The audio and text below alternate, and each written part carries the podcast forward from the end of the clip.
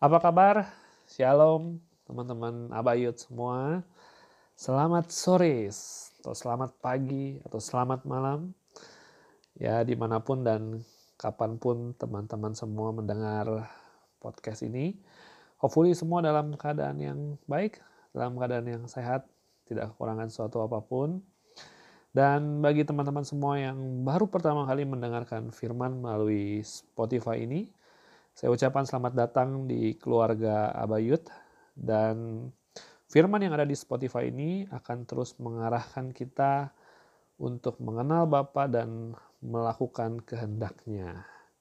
Nah, hari ini kita akan kembali belajar firman Tuhan yang berjudul mengenal dan mengalami Bapa di tempat tersembunyi ya judulnya mengenal dan mengalami Bapa di tempat tersembunyi nah mari teman-teman kita berdoa terlebih dahulu Bapa kami percaya akan kebenaranmu karena kebenaranmu bersinar terang menuntun kami dalam berbagai pilihan-pilihan dan keputusan dalam hidup kami. Janji-janjimu adalah sumber sukacita kami yang meluap-luap. Dan firmanmu menyenangkan kami seperti orang yang telah menemukan harta yang tersembunyi. Kami juga percaya bahwa ada damai dan sejahtera yang sangat besar bagi orang-orang yang mengasihi firmanmu, karena setiap firmanmu mengungkapkan kebenaran dalam hidup kami. Bapak berbicaralah kepada kami secara personal, karena kami siap mendengarnya. Dalam namamu kami berdoa. Amin. Nah, teman-teman, hari ini kita akan belajar dari seorang tokoh yang pasti kita semua sudah tahu, yang diproses Tuhan dalam masa tanda kutip isolasinya atau masa kesendiriannya. Ya, mungkin kayak kita, tapi kita nggak tentu kita nggak separah tokoh ini. Sehingga kita bisa belajar untuk semakin dapat mengalami Tuhan di masa-masa isolasi, ya tanda kutip ya, atau masa-masa karantina ini. Dan di beberapa hari ke depan kita juga akan belajar dalam saat teduh kita bersama uh, dari beberapa tokoh yang telah mengalami Tuhan dalam masa isolasi atau masa karantina mereka. Ya. Nah, hari ini kita akan belajar bersama-sama dari seorang tokoh yang bernama Yunus. Ya, dan hari ini kita akan belajar dari Yunus pasal yang pertama sampai yang kedua. Nah, mari siapkan Alkitab atau catatanmu. Ya, kita akan baca bersama-sama Yunus pasal yang pertama sampai yang kedua. Yunus pasal yang pertama ayat 1. Datanglah firman Tuhan kepada Yunus bin Amitai demikian. Bangunlah, pergilah ke Niniwe, kota yang besar itu. Berserulah terhadap mereka, karena kejahatannya telah sampai kepadaku. Tetapi Yunus bersiap untuk melarikan diri ke Tarsis, jauh dari hadapan Tuhan. Ia pergi ke Yafo dan mendapat di sana sebuah kapal yang akan berangkat ke Tarsis. Ia membayar biaya perjalanannya, lalu naik kapal itu untuk berlayar bersama-sama dengan mereka ke Tarsis jauh dari hadapan Tuhan. Nah, kita stop sampai di sini. Yunus yang mendapat sebuah panggilan dari Tuhan, dia tapi mengingkari, tapi dia tidak mau melakukannya. Sehingga dia bersiap untuk melarikan diri jauh dari hadapan Tuhan. Dia membayar biaya perjalanannya, dan dia berlayar bersama dengan orang-orang yang ketarsis karena dia mau melarikan diri jauh daripada hadapan Tuhan. Teman-teman, adakah kita hari ini kita refleksi sebentar ya, adakah kita hari ini sedang melarikan diri dari hadapan Tuhan? Atau ada yang sedang jauh dari hadapan Tuhan? Atau sedang merasakan uh, rasanya Tuhan itu jauh sekali Teman-teman, tahukah kita bahwa kita sebenarnya tidak akan pernah bisa lepas dari hadiratnya, dari pandangannya, dari jangkauannya. Ada satu ayat yang bagus di Mazmur 139 ayat 7 sampai 9 dalam versi The Passion, dia mengatakan gini, Ke mana aku dapat menjauh dari rohmu? Ke mana aku dapat lari dari dan bersembunyi dari wajahmu Tuhan? Kalau aku naik ke surga, engkau ada di sana. Kalau aku turun ke dunia orang mati, engkau juga di sana. Kalau aku terbang dengan sayap ke dalam fajar yang bersinar, engkau ada di sana. Kalau aku terbang ke dalam matahari terbit yang berkilauan, engkau sedang menunggu di sana. Versi ini mengatakan kita mau lari ke mana pun, kita mau menuju tempat mana pun, Tuhan sedang menunggu kita di sana. Teman kita tidak akan pernah bisa lari dari Bapa. Ke mana kita pergi, bahkan kita menjauhinya. Dia ada, bahkan menunggu kita di sana. Bapa mengasihi kita lebih daripada kita mengasihi diri sendiri. Teman-teman, bagaimana denganmu? Apakah kita menyadari, ya ke mana pun kita pergi, Bapa ada di sana. Sehingga kita menyadari bahwa kita tidak akan pernah bisa lepas dari pandangan Bapa, daripada hadirat Bapa. Teman-teman, tahukah kita bahwa Ketika kita melekat kepada Bapa, kita akan menerima aliran air kehidupan yang akan menyegarkan jiwa kita. Sekalipun kita ada dalam masa sulit. Tetapi ketika kita menjauh daripada Bapa, kita sedang menghentikan aliran kehidupan itu masuk ke dalam diri kita. Sehingga kita akan mengalami kering dan kematian. Nah teman-teman, mari kita lanjutkan. Di dalam Yunus pasal yang satu ayat yang keempat. Firman Tuhan berkata gini, tetapi Tuhan menurunkan angin ribut ke laut. Lalu terjadilah badai besar sehingga kapal itu hampir-hampir terpukul hancur. Wow. Ayat 5, awak kapal menjadi takut. Masing-masing berteriak-teriak kepada Allahnya. Dan mereka membuang ke dalam laut segala muatan kapal itu untuk meringankannya. Tetapi Yunus telah turun ke dalam ruang kapal yang paling bawah dan berbaring di situ. Lalu tertidur dengan nyenyak. Ayat ke-6, datanglah nahkoda mendapatkannya sambil berkata, Bagaimana mungkin engkau tidur begitu nyenyak? Bangunlah, berserulah kepada Allahmu. Barangkali Allah itu akan mendengarkan, mengindahkan kita, sehingga kita tidak binasa. Lalu berkatalah mereka satu sama lain, Marilah kita buang undi, supaya kita mengetahui karena siapa kita ditimpa oleh malapetaka ini. Mereka membuang undi, dan Yunuslah yang kena undi. Ayat 8, berkatalah mereka kepadanya, Beritahukanlah kepada kami, karena siapa kita ditimpa oleh malapetaka ini. Apa pekerjaanmu dan dari mana engkau datang? Apa negerimu dan dari bangsa manakah engkau? Sahut Yunus kepada mereka, Aku seorang Ibrani, aku takut akan Tuhan, Allah yang empunya langit, yang telah menjadikan lautan dan daratan. Ayat ke-10, Orang-orang itu menjadi sangat takut, lalu berkata kepadanya, "Apa yang telah kau perbuat?" Sebab orang-orang itu mengetahui bahwa ia melarikan diri jauh dari hadapan Tuhan. Hal itu telah diberitahukannya kepada mereka. Bertanyalah mereka, "Akan kami apakan engkau supaya laut menjadi reda dan tidak menyerang kami lagi, sebab laut semakin bergelora?" Stop sampai di sini. Teman-teman, badai dan kesukaran yang terjadi dalam hidup kita, ya, tidaklah terjadi untuk membinasakan dan menghancurkan kita. Mungkin hari-hari ini seberapa banyak di antara kita sedang mengalami badai. Ya, mungkin karena COVID-19 ada teman-teman yang mengalami badai atau kesukaran dalam hidup. Mungkin ada yang gajinya dipotong. Mungkin ada yang kehilangan pekerjaan. Ada yang mungkin income dari tokonya, dari usahanya turun. Ada yang mungkin bisnisnya menurun karena keadaan hari ini. Seperti seakan-akan dihantam badai dan kesukaran. Atau mungkin ada teman-teman yang hari ini sedang mengalami tantangan yang berat, pergumulan yang berat, badai yang bertubi-tubi, kesukaran yang datang kepada hidupmu. Teman-teman, tahukah kita bahwa badai dan kesukaran tidaklah terjadi untuk membinasakan atau menghancurkan kita. tetapi membawa kita kembali mendekat kepada Bapa dan membawa kita mengalami kemenangan. Percayalah bahwa Bapa adalah Bapa yang baik, yang menginginkan kita lebih daripada yang kita ketahui. Sehingga teman-teman kalau kamu lagi dalam badai dan kesukaran, percayalah bahwa Bapamu adalah Bapa yang sangat baik.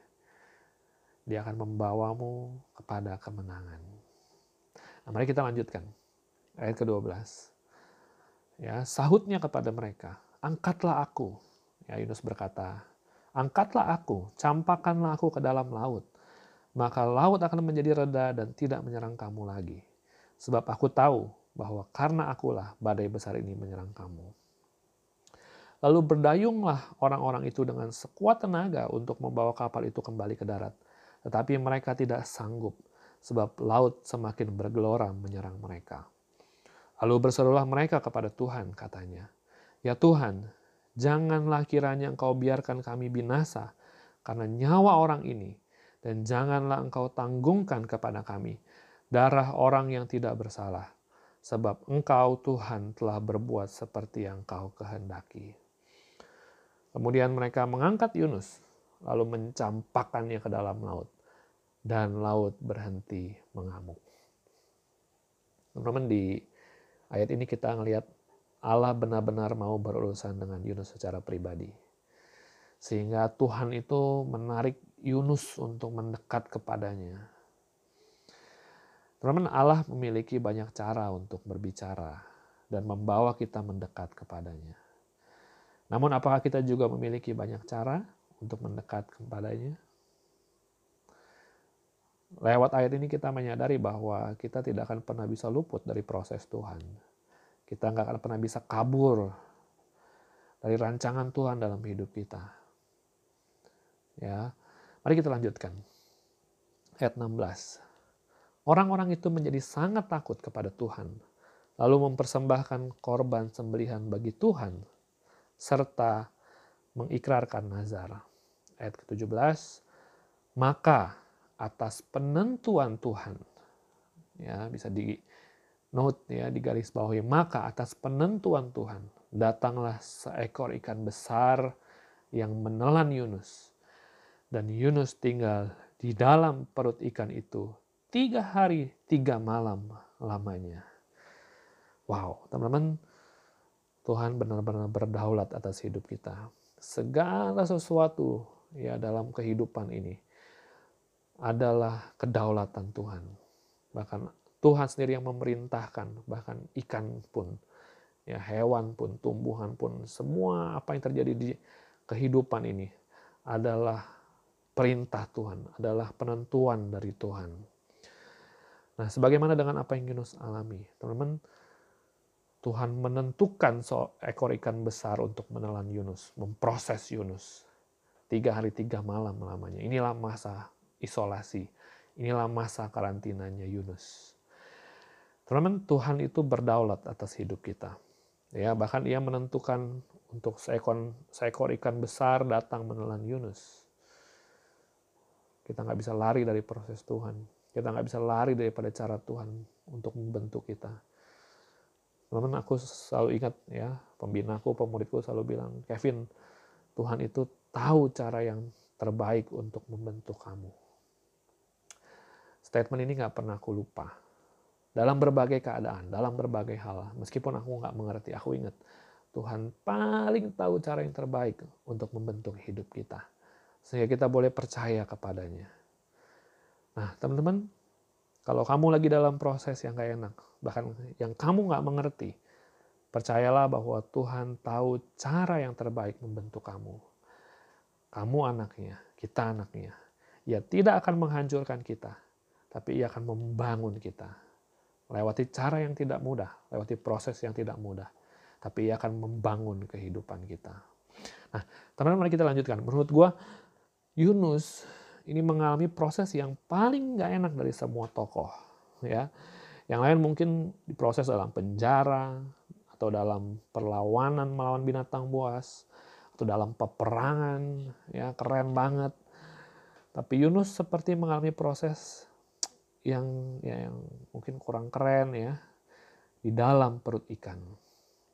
Ya teman-teman, gue nggak membayangkan Yunus bisa, ya gue nggak nggak nggak membayangkan Yunus di dalam perut ikan tuh bisa tidur tiduran, bersantai. Ya mungkin kalau yang di dalam penjara bisa tidur nyenyak, ya atau mungkin yang dalam peperangan bisa ada waktu istirahat. Tapi kalau kita boleh tarik ya membayangkan lebih jauh, mengimajinasikan Yunus yang ada dalam perut ikan besar ya kita nggak kita pasti nggak mungkin bayangin Yunus seperti bisa sedang tidur bersantai membaringkan diri seperti dalam sebuah ruangan gitu ya yang aku bayangin adalah Yunus ada dalam himpitan kiri kanan ya gimana ya di dalam perut pasti seperti di diremes-remes gitu ya.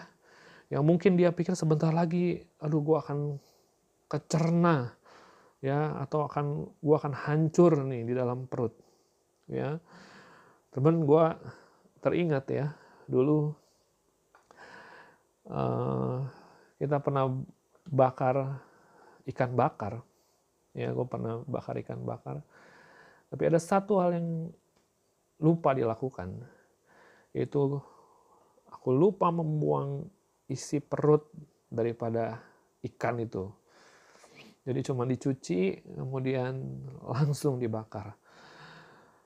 Pas kita mau makan, kita cium bau yang sangat busuk dan sangat amis.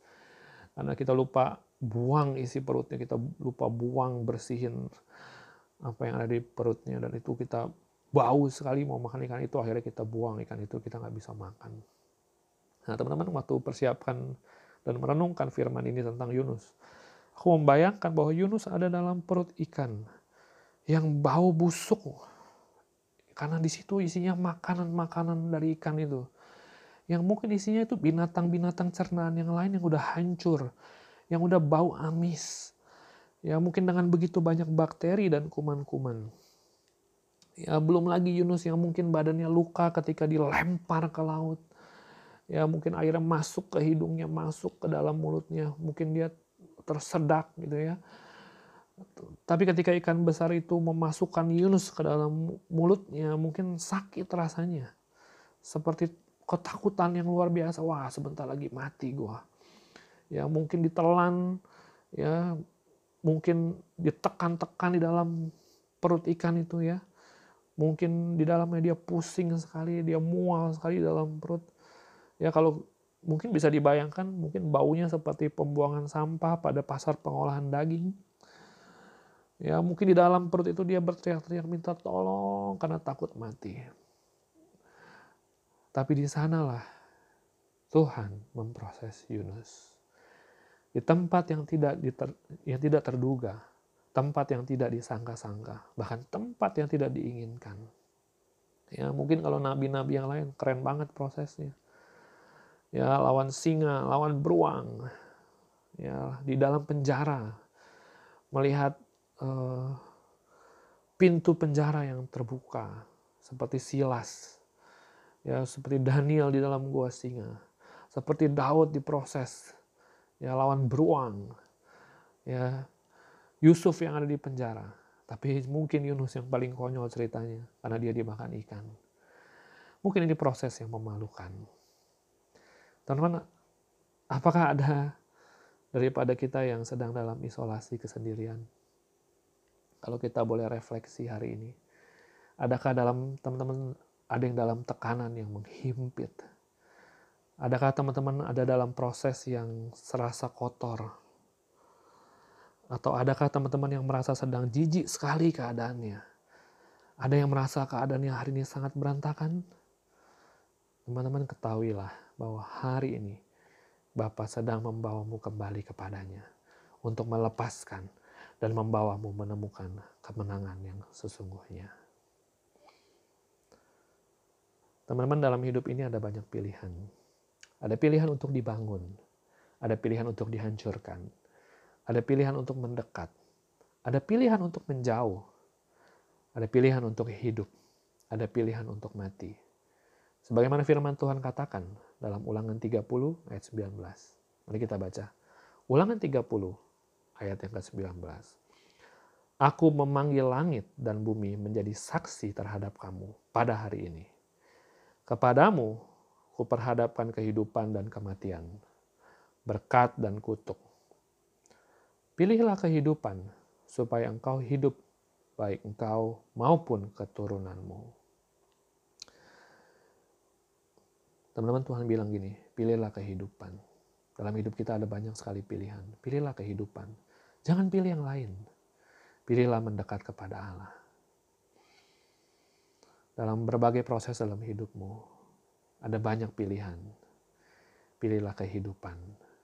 Pilihlah hidupmu dibangun. Pilihlah mendekat kepada Allah. Pilihlah semua hal yang baik yang Allah sediakan buat hidupmu.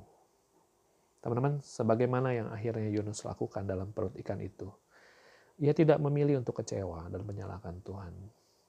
Ia tidak memilih untuk mati saja sekalian. Ia tidak memilih untuk menjadi pahit dan marah kepada Tuhan.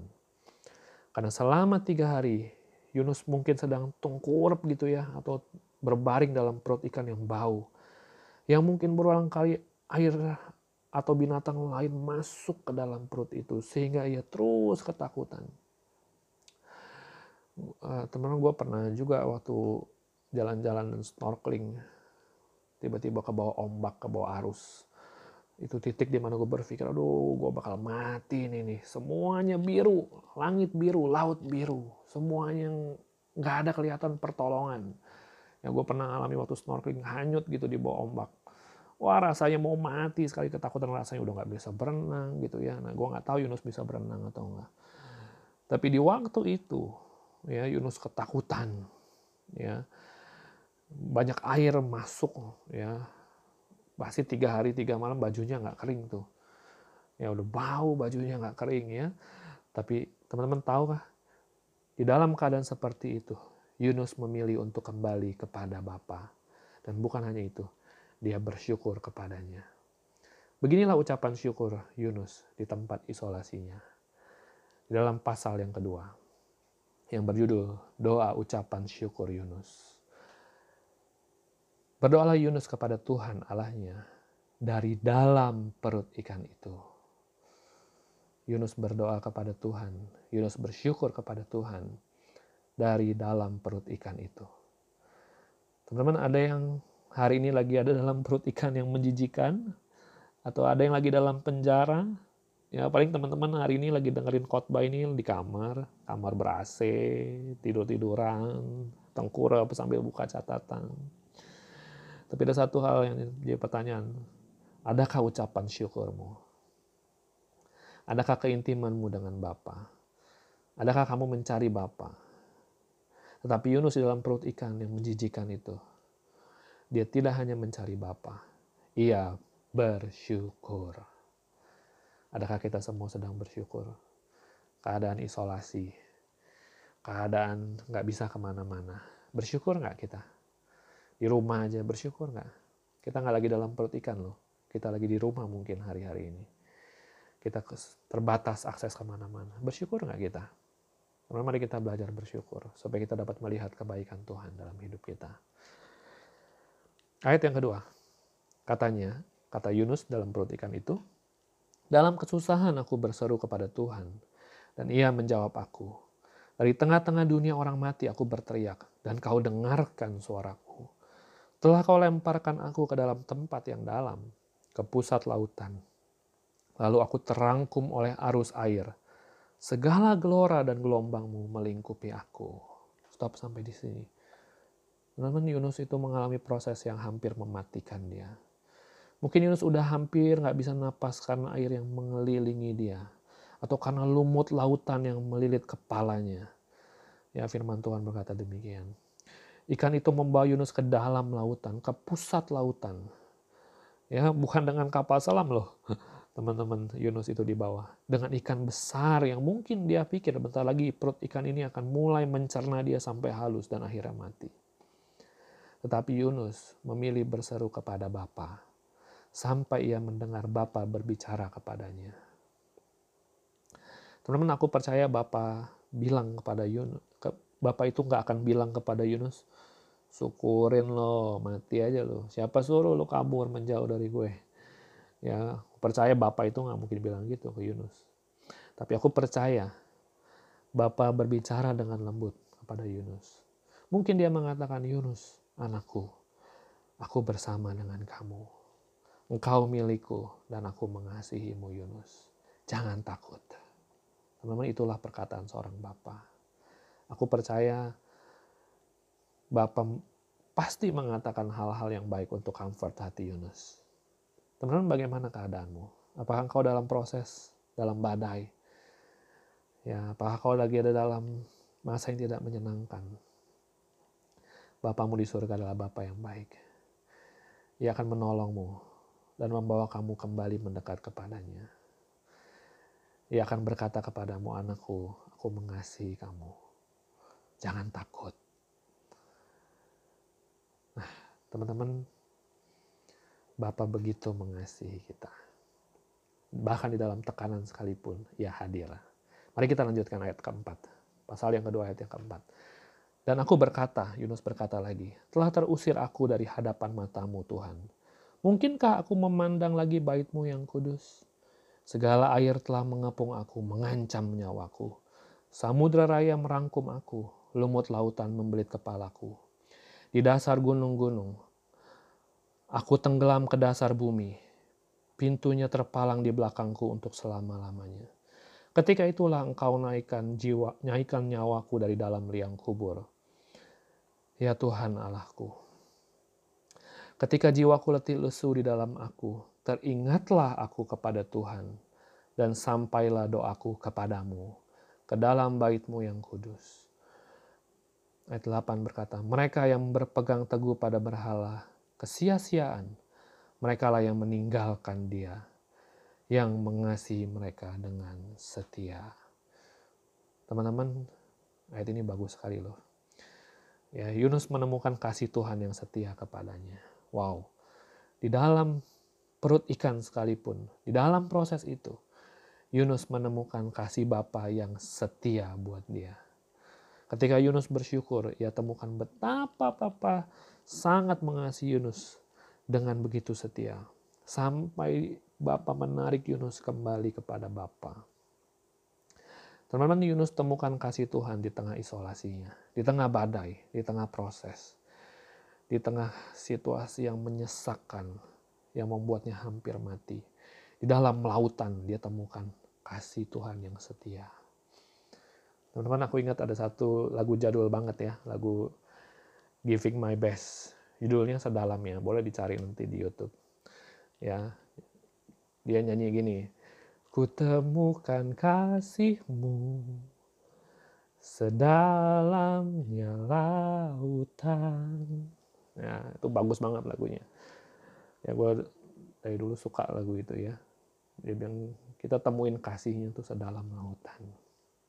Teman-teman, Bapakmu di surga mengasihimu dengan setia ia sangat setia. Kasihnya tidak pernah berubah. Seringkali kita lah yang berubah kasih dan setia kepadanya. Firman Tuhan berkata,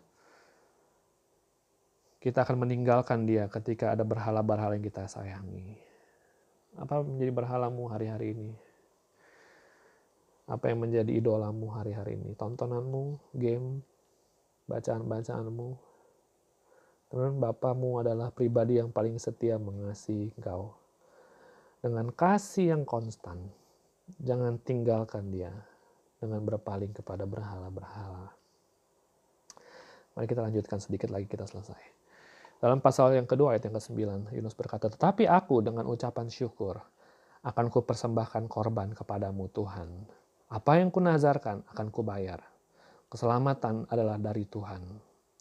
Ayat terakhir, Lalu berfirmanlah Tuhan kepada ikan itu, dan ikan itu pun memuntahkan Yunus ke darat.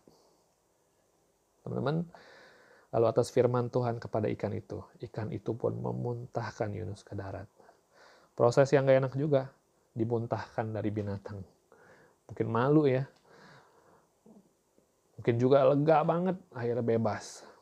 Tapi di situlah Bapak membebaskan Yunus, setelah Yunus mengenal isi hati Bapak dan panggilannya buat dirinya.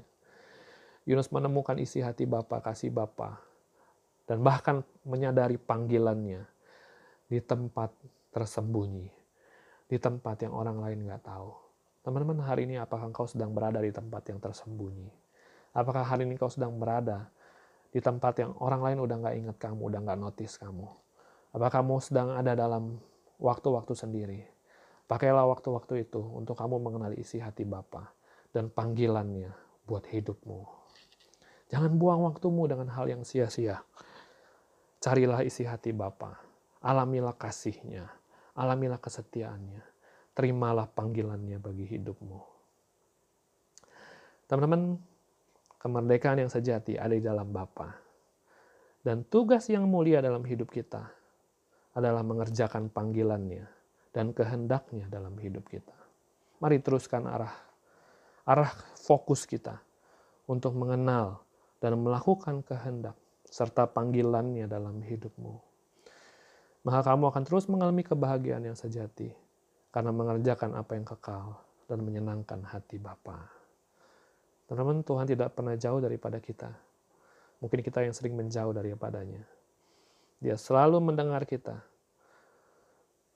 namun kapan sering kali ketika Tuhan ingin berbicara kepada kita dan kita tidak ada. Tuhan selalu available buat kita. Dia selalu mengasihi kita. Dia selalu mendengar kita. Dia selalu rindu dan dia senang menjawab doa kita. Namun, kapankah atau seringkah ketika Tuhan berbicara kepada kita, tetapi kita tidak ada di sana? Mari lewat firman hari ini. Di waktu-waktu yang mungkin tidak enak, waktu-waktu yang sendiri. Temukan Tuhan di tempat yang tersembunyi. Kalau sebelum-sebelumnya kita menemukan Tuhan di dalam keramaian ibadah, dalam keramaian komsel. Tapi hari ini, temukan Tuhan di tempat yang tersembunyi. Bukan hanya temukan Tuhan di tempat yang tersembunyi, alamilah kasihnya yang besar. Alamilah kesetiaannya. Alamilah kuasanya dan terimalah panggilannya dalam kehidupanmu. Terima kasih teman-teman semua. Aku percaya Tuhan sedang berurusan pribadi dengan setiap kita. Mari kita respon. Mari kita berkata kepada Tuhan, Tuhan ini saya. Saya mau mengalami Engkau. Saya mau mengerjakan panggilanmu. Terima kasih Tuhan. Kami bersyukur buat firman-Mu hari ini mengingatkan kami bahwa Engkau tidak pernah melepaskan kami sedetik pun. Kalau kami ada yang kabur daripada Engkau, kami kabur daripada jangkauanmu, kami kabur dari hadiratmu, Bapa kami percaya, Engkau akan menarik kami kembali. Dan kami mau respon, kami mau kembali kepadamu. Terima kasih Bapak buat firmanmu hari ini. Kami mau semakin mengenalmu, mengenal isi hatimu, dan melakukan panggilanmu dalam hidup kami. Dalam namamu kami berdoa. Amin. Terima kasih teman-teman semua telah mendengarkan firman hari ini. Mari kita terus lakukan dengan segenap hati. Tuhan memberkati kita semua.